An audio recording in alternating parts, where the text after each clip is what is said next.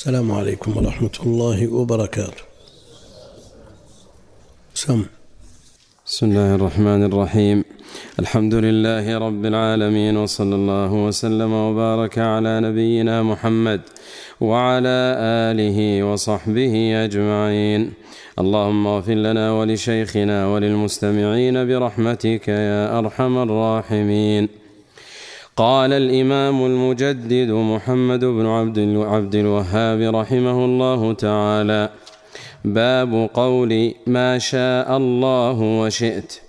عن قتيلة أن يهوديا أتى النبي صلى الله عليه وسلم فقال إنكم تشركون تقولون ما شاء الله وشئت وتقولون والكعبة.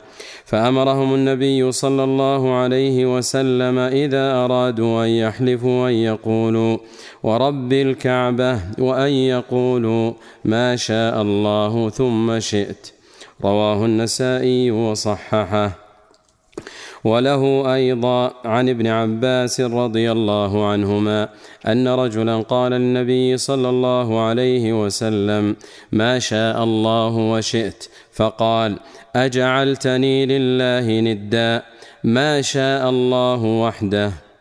ولابن ماجه عن الطفيل أخي عائشة لأمها قال رايت كاني أتيت على نفر من اليهود فقلت على نفر من اليهود قلت إنكم لأنتم القوم لولا أنكم تقولون عزير ابن الله.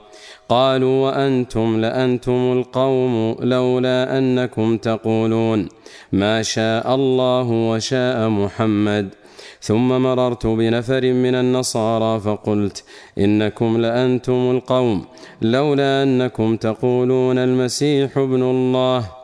قالوا وإنكم لأنتم القوم لولا أنكم تقولون ما شاء الله وشاء محمد. فلما أصبحت أخبرت بها من أخبرت ثم أتيت النبي صلى الله عليه وسلم فأخبرته.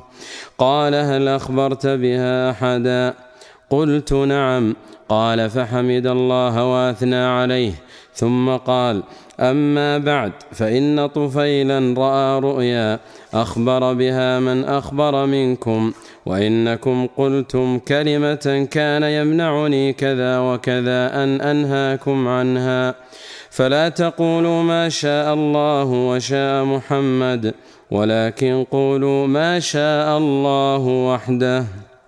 فيه مسائل الأولى معرفة اليهود بالشرك الأصغر. الثانية فهم الإنسان إذا كان له هوى. الثالثة قوله صلى الله عليه وسلم أجعلتني لله ندا. فكيف بمن قال يا أكرم الخلق ما لي من ألوذ به سواك عند حلول الحادث العمم.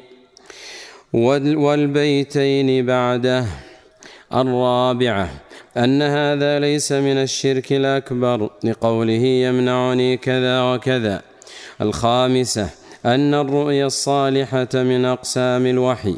السادسة أنها قد تكون سببا لشرع, بعض الأحكام. الحمد لله رب العالمين صلى الله وسلم وبارك على عبده ورسوله نبينا محمد وعلى آله وأصحابه أجمعين. أما بعد فيقول المؤلف رحمه الله تعالى باب قول ما شاء الله وشئت. وهذا تقدم في باب مضى وأن الواو تقتضي التشريك لكن قد تقتضي المساواة.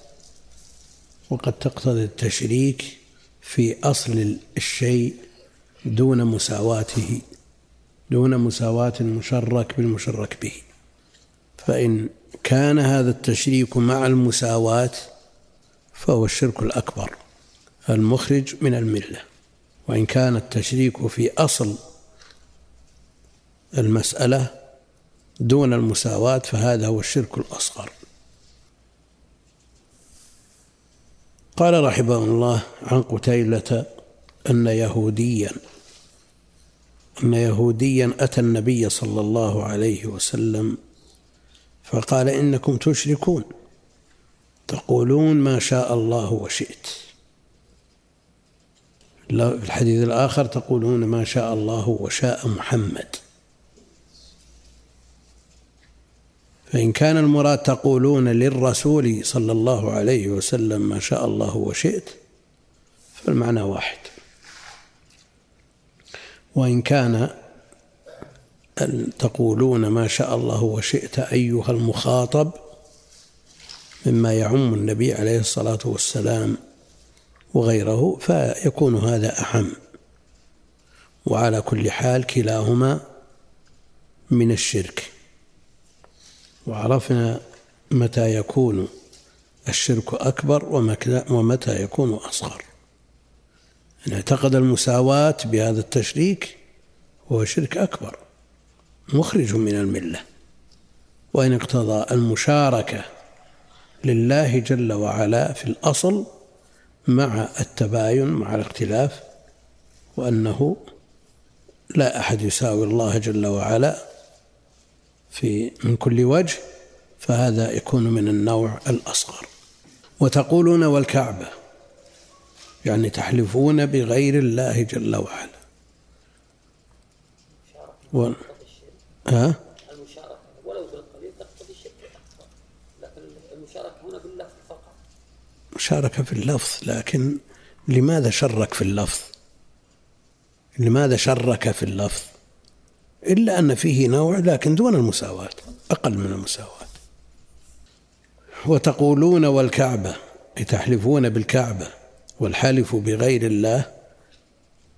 شرك من حلف بغير الله فقد كفر أو أشرك.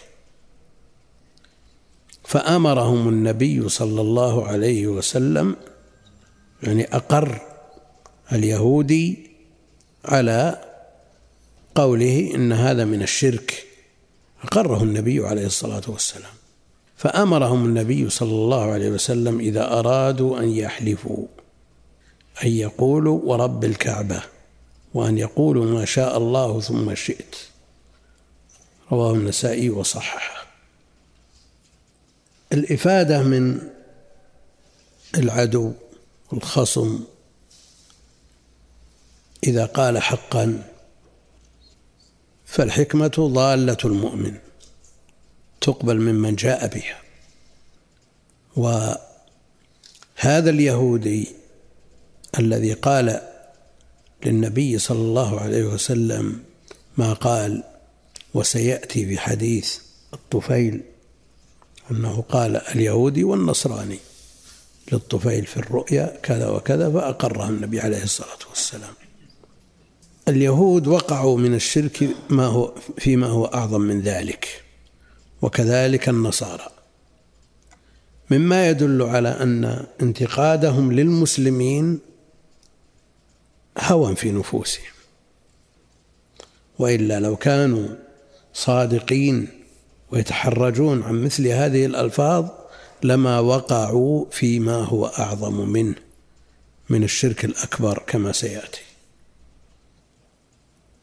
فأمرهم النبي صلى الله عليه وسلم إذا أرادوا أن يحلفوا أن يقولوا ورب الكعبة وأن يقولوا ما شاء الله ثم شئت.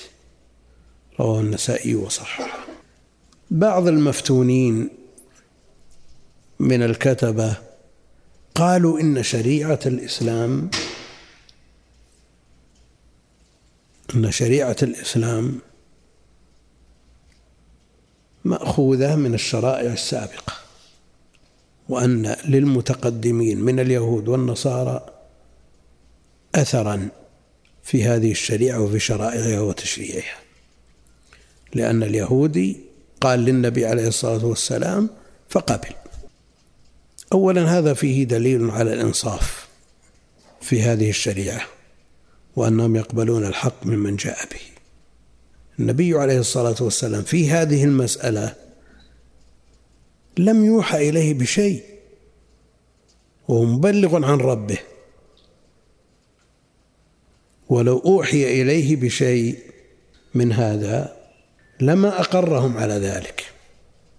ولم يمنعه الحياء من الرد عليهم كما سيأتي في الحديث اللاحق. فالمسألة خالية من الدليل. ما فيه وحي يدل على منعها. وإذا خلت المسألة من الدليل تبقى على الأصل وهو إيش؟ جواز. الإباحة. ها؟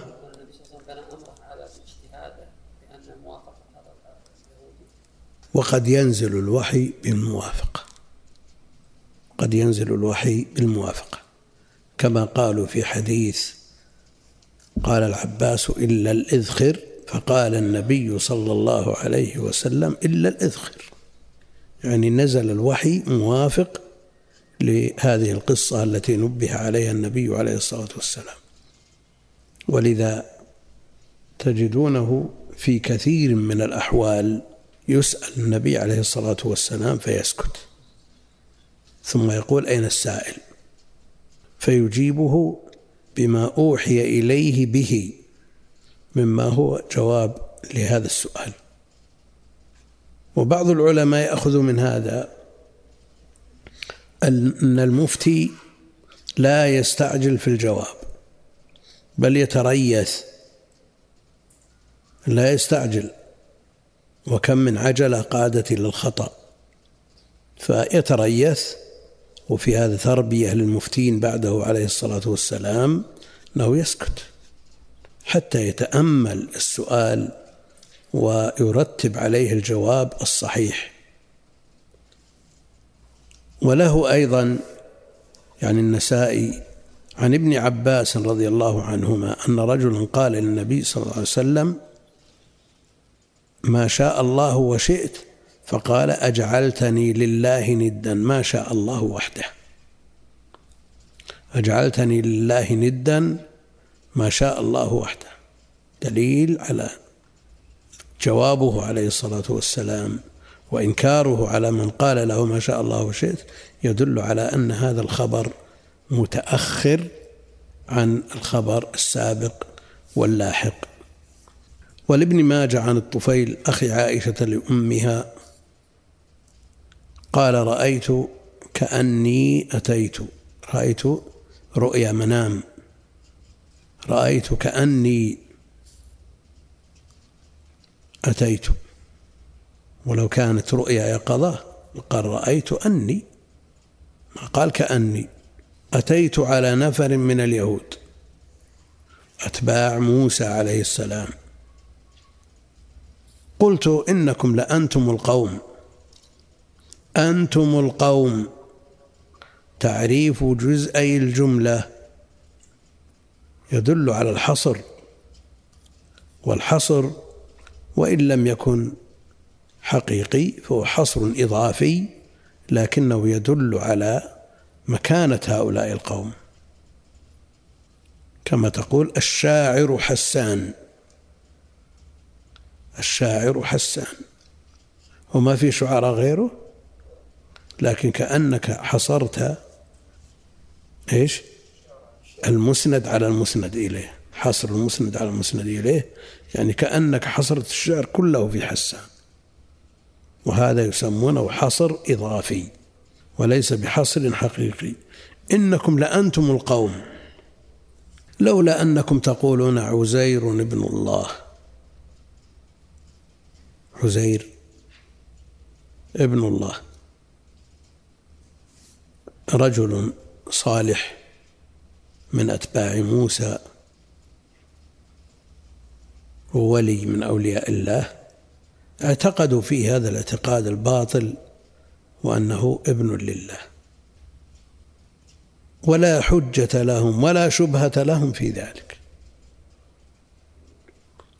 بينما الشبهة عند النصارى سيأتي ذكرها. قالوا وأنتم لأنتم القوم. لولا أنكم تقولوا ما شاء الله وشاء محمد. يعني لولا هذه الخصلة المتضمنة للشرك كنتم أنتم القوم لا غيركم. وفرق بين الشرك الذي وقع فيه اليهود والشرك الذي وقعت فيه هذه الأمة. الشرك الذي وقع فيه اليهود من النوع الأكبر المخرج عن الملة. وما وقعت في هذه الأمة من هذا اللفظ من من النوع الأصغر. ثم مررت بنفر من النصارى فقلت إنكم لأنتم القوم لولا أنكم تقولون المسيح ابن الله. هذه رؤيا والرؤيا بمفردها لا يثبت بها حكم شرعي. واكتسبت الشرعية من إقرار النبي صلى الله عليه وسلم. اكتسبت الشرعية من إقرار النبي عليه الصلاة والسلام. كما في حديث عبد الله بن زيد حينما رأى الأذان حينما رأى الأذان في المنام وعرضه على النبي عليه الصلاة والسلام قال إنها لا رؤيا حق. فاكتسبت الشرعية من إقرار النبي عليه الصلاة والسلام. والرؤيا كما جاء في الحديث الصحيح. جزء من ستة وأربعين جزءا من النبوة. جزء من ستة وأربعين جزءا من النبوة. قد يكتسب الشخص من جزء من النبوة ولا يكون نبيا. ليس معنى هذا أن من رأى رؤيا صالحة يكون فيه من النبوة هذا الجزء الذي يكسبه العصمة أو ما أشبه ذلك؟ لا. من كان فيه جزء من شيء بحسبه. كما أن من كان فيه خصلة من النفاق كانت فيه خصلة من النفاق ولا يقال منافق. من كانت فيه خصلة من خصال الجاهلية فيه جاهلية ولا يكون جاهليا. هذا فيه جزء من النبوة. فالرؤيا الصالحة يراها المؤمن أو ترى له جزء من ستة وأربعين جزءا من النبوة.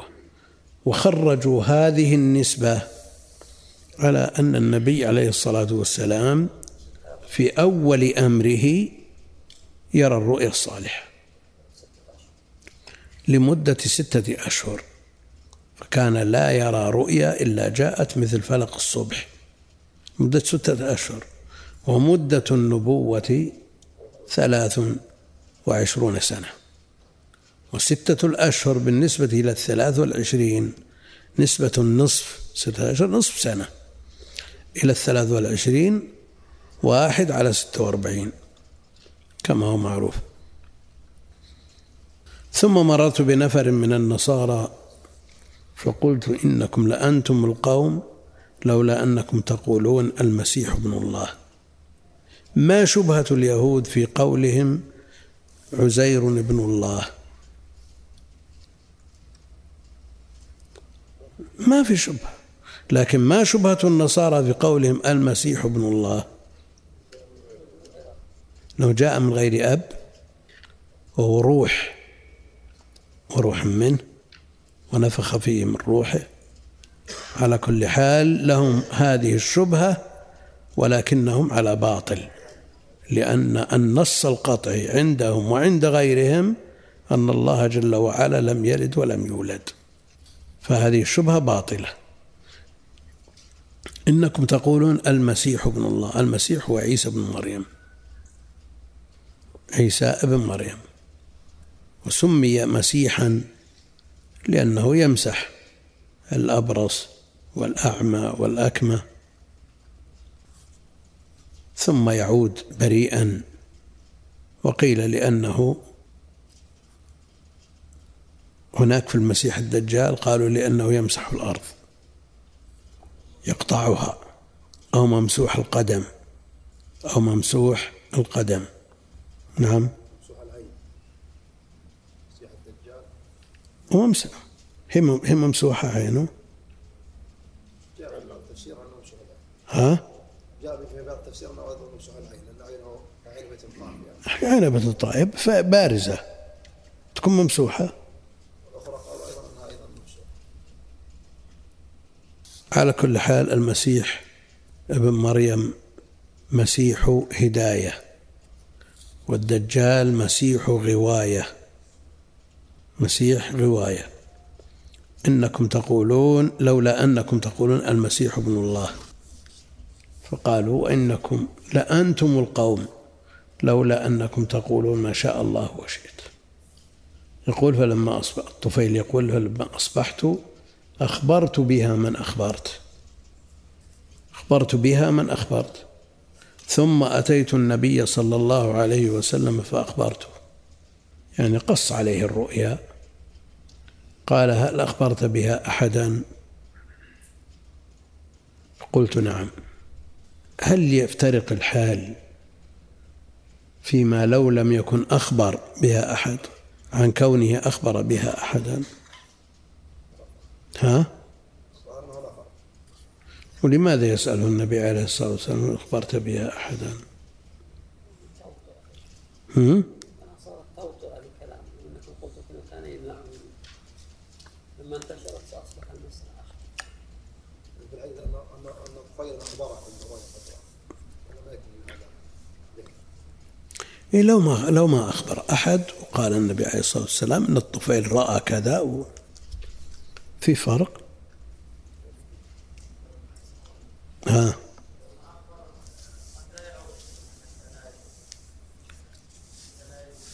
لو لم يخبر لا أتى بالجواب ابتداء وأخبرهم بالحكم ابتداء. نعم.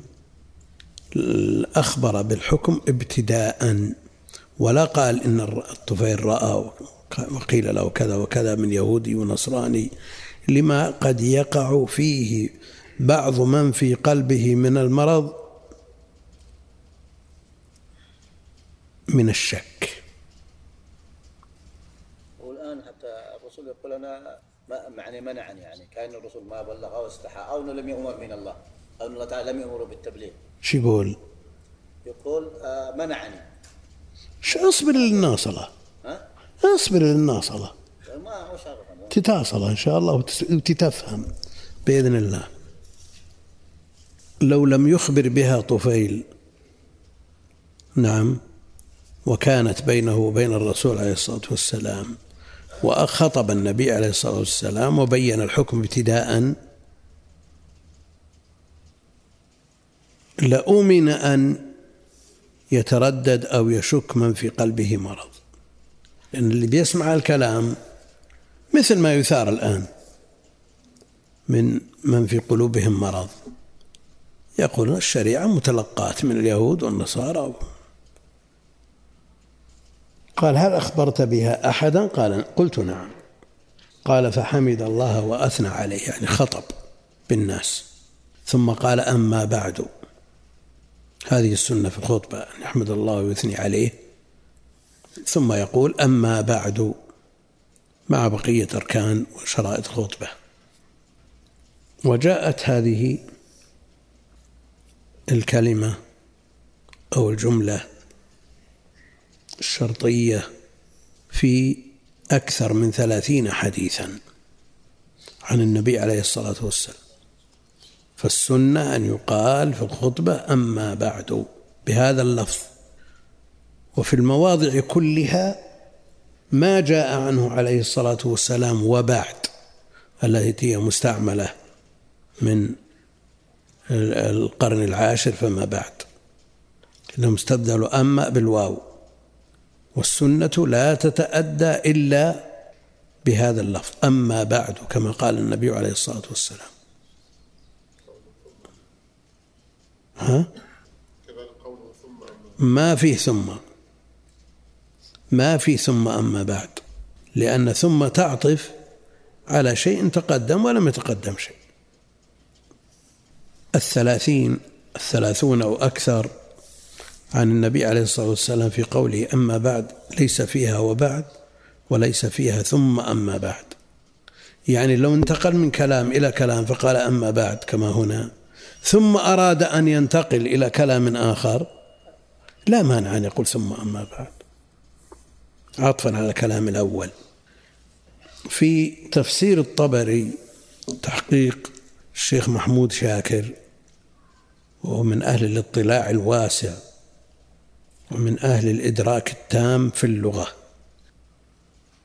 محمود شاكر محمود محمد شاكر المصري أخو الشيخ أحمد شاكر. لأن في محمود شاكر حرستاني. هذا متخصص في الجغرافيا ومواطن الشعوب الإسلامية وله في مؤلفات نافعة في هذا الباب. وأدركناه شخص فيه خير. محمود شاكر متمكن في اللغة والأدب وله مقدمة كتبها لشرح الأشموني بطلب من الشيخ محمد محي الدين عبد الحميد. كتبها في صغر سنه وما أظنه يكتب أفضل منها في نهاية حياته يعني من صغره وهو متمكن. ولو ولو قرأها طالب العلم تعجب كيف في هذا في ذلك السن. الشيخ مولود سنة كام؟ 25 على تاريخهم. ها؟ شو؟ كتب إما أن العشرين فيه. عجب. في هذه المقدمة التي كتبها في صغر سنه من أعاجيب ما كتب في هذا الشأن. وبإمكانكم الآن تستخرجونها من جوالاتكم وتقرونها الشيخ محمود شاكر حينما حقق تفسير الطبري والطبعات كلها السابقة يقول فيها الطبري أما بعد. الشيخ وقف على نسخة صحيحة عتيقة فيها ثم أما بعد. وعلق الشيخ محمود شاكر قال ثم أما بعد كذا في الأصل كذا وما أدري إيش. وجرى الطابعون للكتاب في الطبعات السابقة على حذف ثم جريا على عادتهم وما ألفوه. هذا الكلام يقتضي أن يكون ثم أما بعد في جميع النسخ. يكون طابع يرجح هذه النسخة وآخر يرجح ما يلام بمثل هذا الكلام. على كل حال أنا أقول في الثلاثين موضعا أو أكثر ما في ثم ولا فيه وبعد. فالسنة أن يقال أما بعد كذا وأما حرف شرط وبعد قائم مقام الشرط وما دخلت عليه الفاء هو جواب الشرط. واختلف في أول من قال أما بعد على ثمانية أقوال. على ثمانية أقوال. جرى الخلف أما بعد من كان بادئا بها عد أقوال وداود أقرب وداود أقرب ويعقوب أيوب الصبور وآدم وقس وسحبان وكعب ويعرب. كم هم؟ ثمانية. عديتهم ولا لأني قلت ثمانية؟ إيه، جزاك الله خير. أما بعد فإن طفيلا رأى رؤيا. رؤيا مصدر رأى. رؤية مصدر رأى. رأيا مصدر رأى. فرأى يأتي للرؤية البصرية والعلمية والحلمية. رأى رأيا يعني برأيه وعقله وعلمه. رأى رؤية بالبصر ورأى رؤيا في المنام.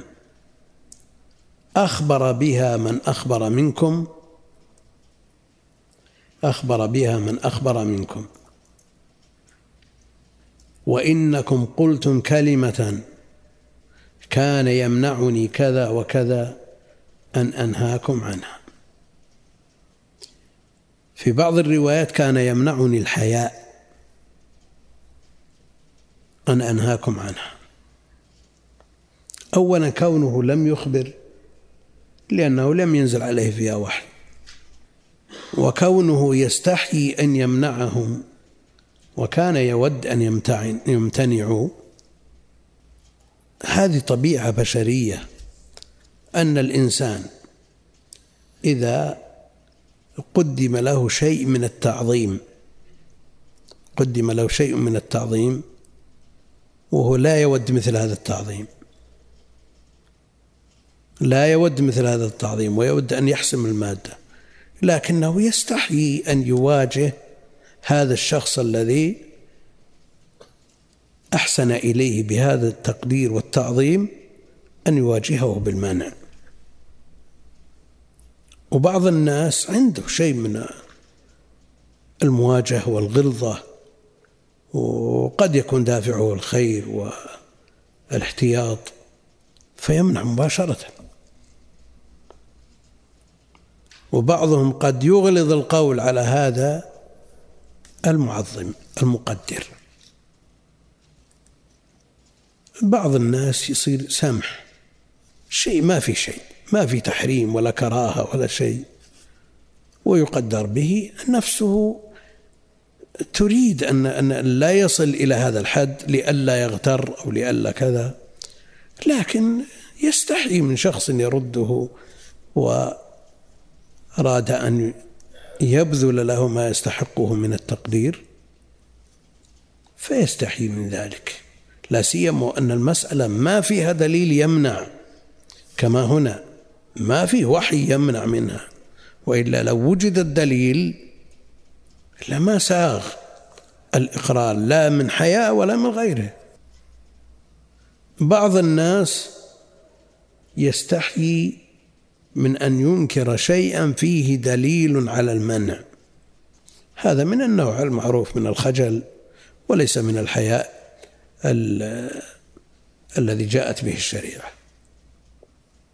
كما يستحي أن ينكر على مرتكب المنكر أو يستحي أن على كل حال تفصيل المسألة معروف.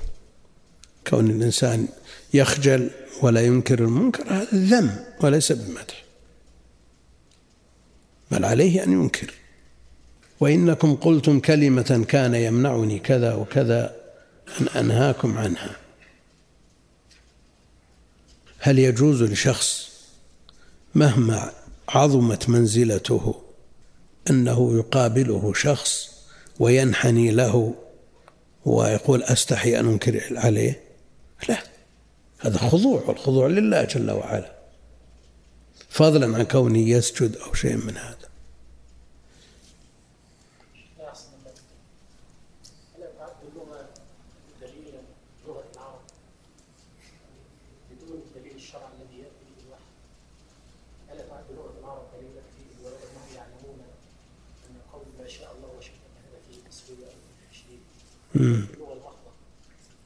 هذه مسائل الشرك مسائل توقيفية. وليس لأحد أن يمنع ما لم يدل عليه دليل. الرسول عليه الصلاة والسلام ما منع لم يمنع. حتى عرف الحكم عليه الصلاة والسلام. الرسول عليه الصلاة والسلام هنا يقول السائل لو كان المانع للنبي صلى الله عليه وسلم أن يرد على خطأ قولهم ما شاء الله وشاء محمد هو الحياة جاء بها النص جاء الحياة يعني أنه كان يمنعني كذا وكذا في, في رواية الحياء مو باستنباط.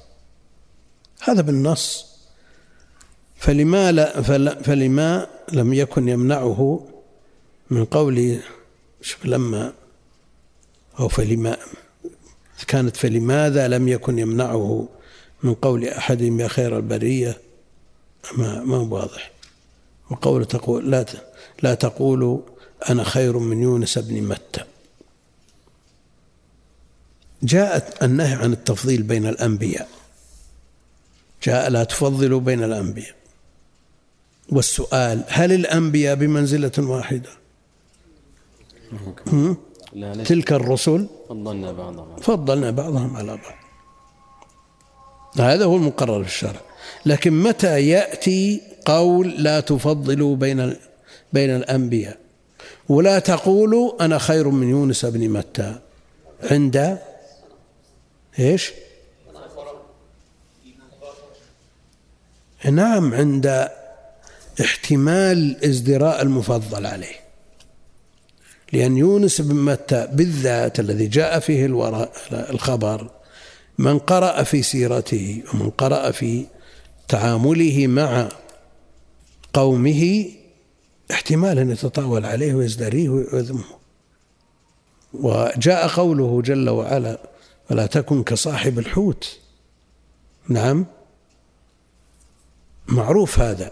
من يقرأ سيرة يونس يعني يخشى عليه أن يتطاول عليه ويزدريه ويقول من باب الازدراء محمد خير من يونس ولذلك حسم الباب لئلا يسترسل الإنسان في هذا الباب وإلا فالنص القطعي تلك الرسل فضلنا بعضهم على بعض.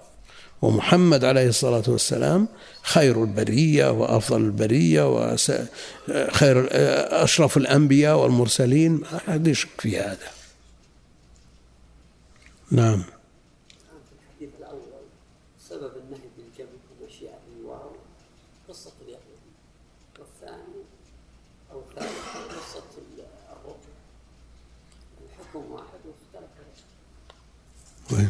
الحديث الأول ثاني حديث ثاني. وين؟ عن قتيلة أن يهوديا جاء إلى النبي صلى الله عليه وسلم. والثاني رؤيا رآها الطفيل بن سخبرة على وزن حرملة.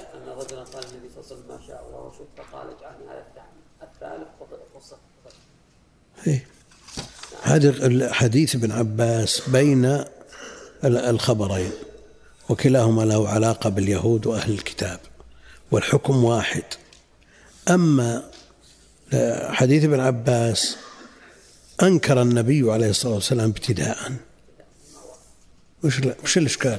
السبب شو سببه؟ هل نقول أن قصة طفيل متعلقة بالنبي صلى الله عليه وسلم والحديث الأول يهودي في المخاطب عموما سواء النبي أو غيره يكون أعم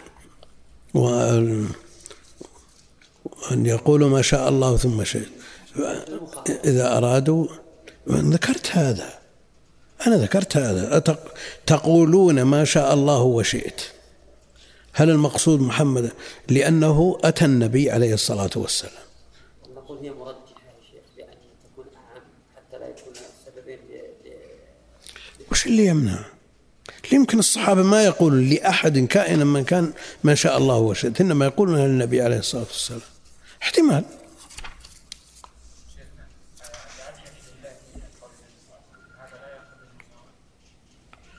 الندية المثلية. والمماثلة ولو بصرف جزء يسير لله مما يختص بالله جل وعلا إلى المخلوق. فيه مماثلة من هذه الحيثية. ولا يلزم المماثلة من كل وجه. والمساواة من كل وجه. طيب مثل ألفاظ الله ورسوله أعلم. أو سيدنا الله ورسوله. شو؟ ارفع صوتك يا أبو رضوان. مثل قوله سيؤتي الله ورسوله أو الله ورسوله أعلم. هل حين ولا في عهد عليه الصلاة والسلام؟ الصحابة قالوا الله ورسوله أعلم. لكن هل حين أنت تقوله لا. ما تقول لأنه قد تكون مسألة التي سئلت عنها مما لا يعلمه الرسول عليه الصلاة والسلام.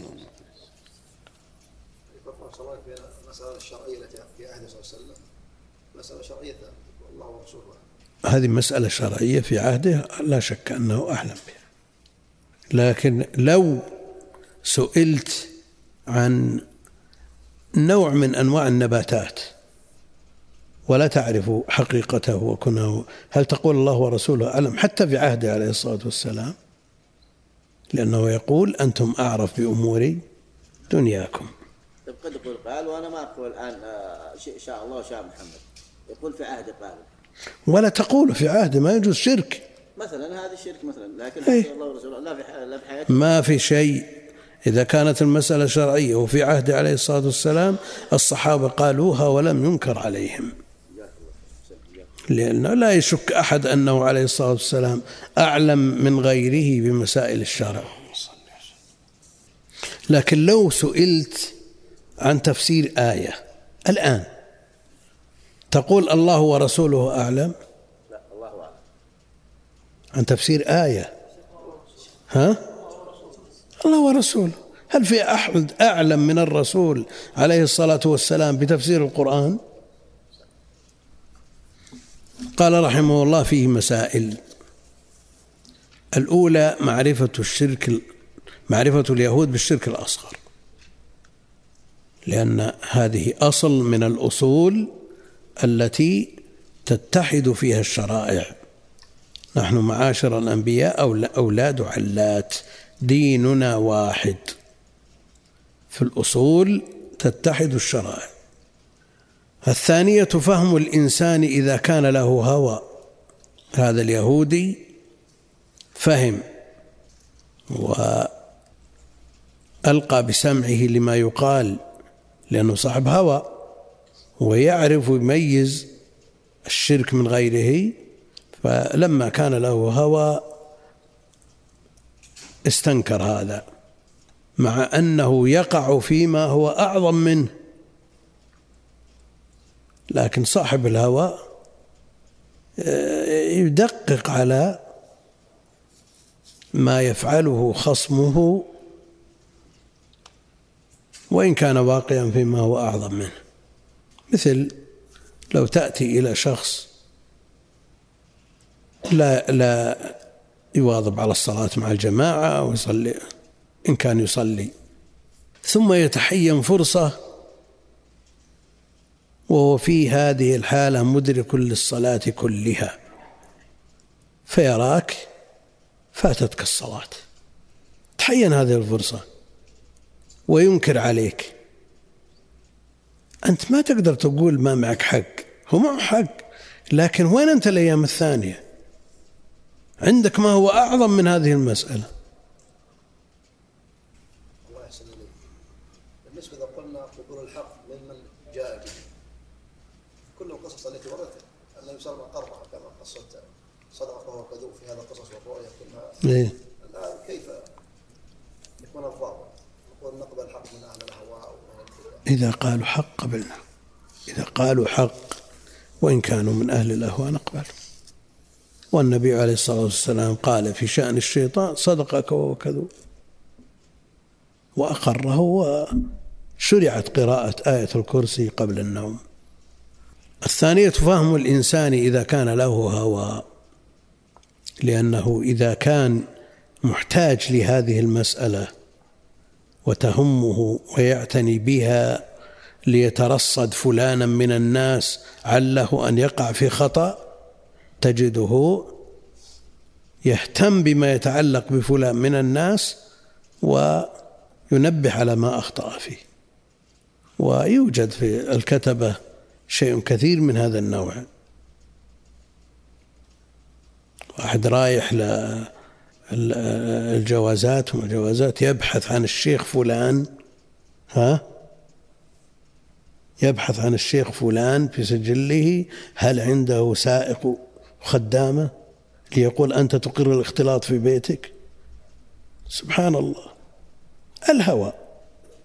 ولا عندك عظائم الأمور تروح تبحث عن هذه الأشياء؟ هو ما تدري عن ظرفه كله مضطر لهذا الأمر وما تدري عن كيفية وضع هؤلاء عنده.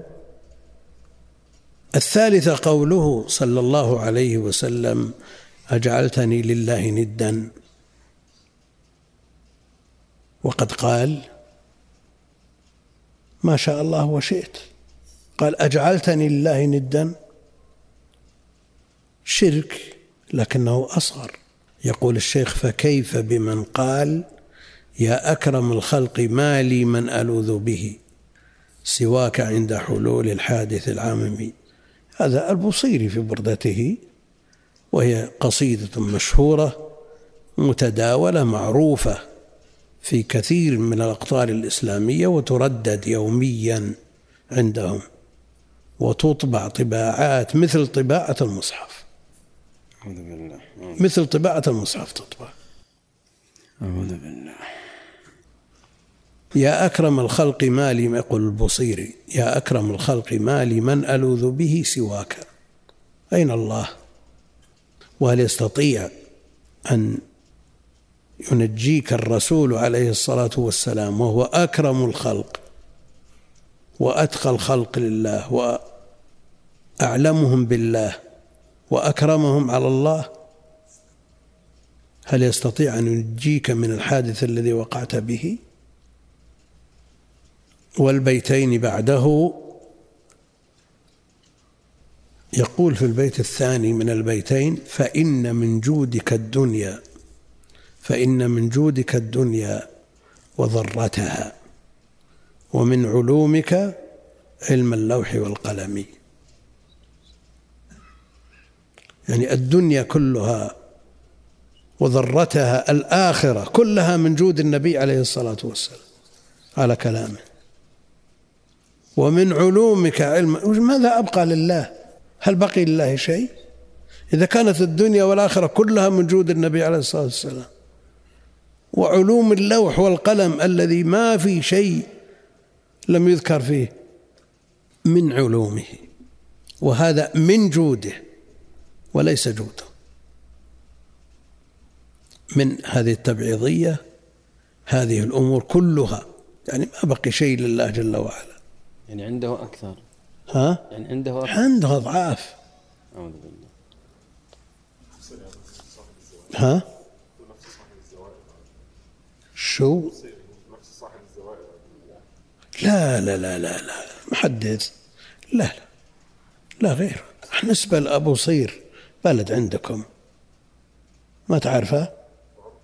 خلاص بلد ينسب إليها الصالح والطالح مثل غيرها من البلدان.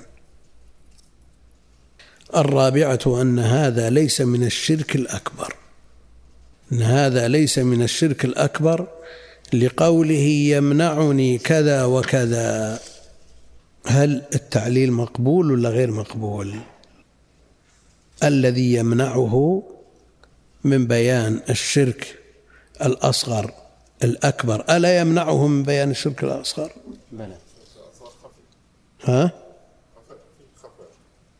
شوف التعليل. أن هذا ليس من بغض النظر عن خفائه ووضوحه أمام قول عندنا. لا ينكره النبي عليه الصلاة والسلام لم ينكره لم ينكره النبي عليه الصلاة والسلام لأنه شرك أصغر ولو كان شرك أكبر لبينه. نعم. ها؟ فيه إشكال. فيه أكبر إشكال. الإنكار واجب للأصغر والأكبر وللذنوب والمعاصي. لكن ما هو منكر عنده أصلا لأنه لم يرد عليه دليل. لم يدخل في حيز المنكر ولم يدخل في حيز الشرك الذي يجب إنكاره. لا أصغر ولا أكبر ولو ولو كان متقررا عنده أنه أصغر لا وجب إنكاره فهمت قصدي؟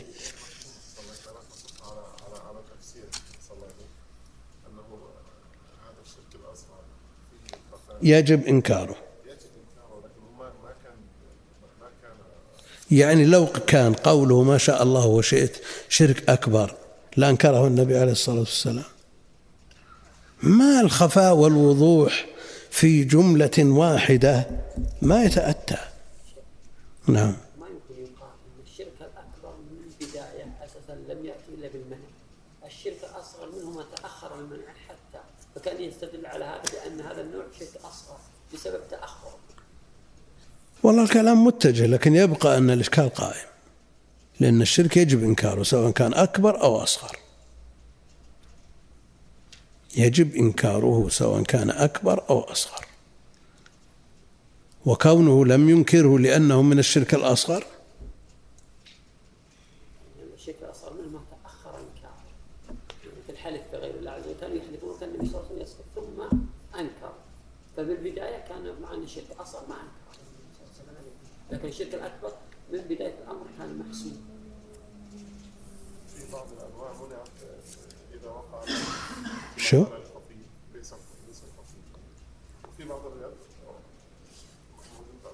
يعني هذا النوع يحتمل إقراره في حالة من الحالات. يحتمل الإقرار؟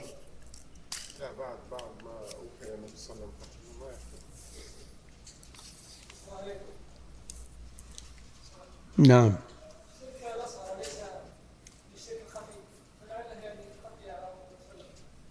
نحن أمام لفظ واحد. هل هو خفي ولا بين؟ بغض النظر عن كونه أكبر أو أصغر. ها؟ يعني يتضح لو كان أكبر يكون أوضح.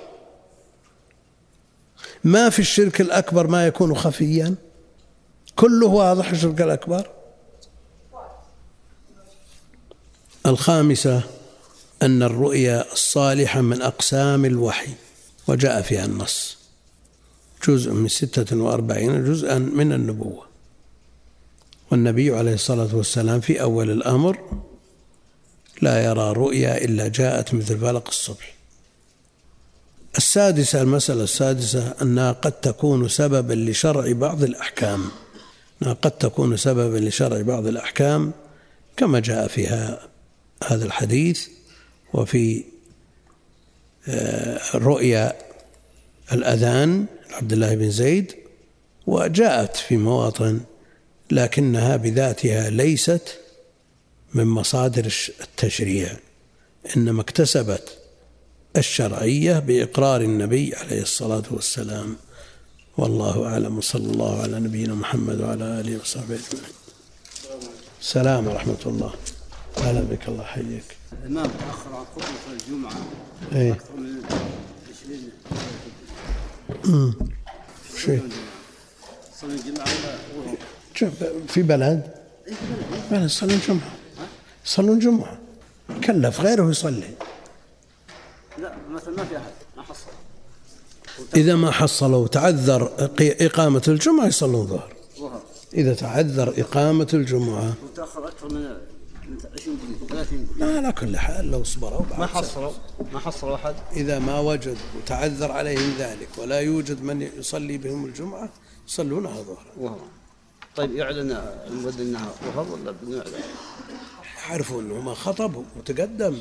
تصير ظهر. أصل قول النبي صلى الله عليه وسلم منعه الحياء في الإنكار. ما شاء الله وشئت أن هذا متعلق بالنبي أشرك يعني أشرك النبي مع الله. ما شاء الله وشئت ولم ينزل على النبي تحريم لهذا الأمر. أي نعم. فتحرج أنه أي نعم تحرج. لأن بعض الناس عنده في نفسه وفي تركيبه نوع من الحياء الذي لا يستطيع أن يواجه به من فعل شيئا غير محرم. من محرم ما في إشكال. وبعض الناس يستنكر عليك أدنى شيء ولو ما في أدنى إشكال. شيخنا لما قيل له يا خير البرية قال ذاك إبراهيم هذا من باب التواضع وهضم النفس. ولا هو خير البرية عليه الصلاة والسلام. بحق ها؟ حق. شلون؟ النبي صلى الله عليه وسلم حق بالخيرية من إبراهيم. هو خير البرية بلا إشكال وخير البشر. مطلقا. لكن من باب التواضع وهضم النفس قال ذاك إبراهيم. مثل لا تفضلون عليه. وسلم مثل قصة يونس. يقول خير الخلق أم خير البشر. يقول خير الخلق خير من الملائكة وخير أم يقول خير على الخلاف المعروف في الملائكة. خلاف الملائكة وارد فيه الأنبياء ولا ها؟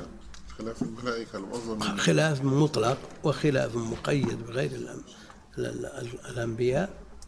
ومعروف الخلاف من قال مطلق.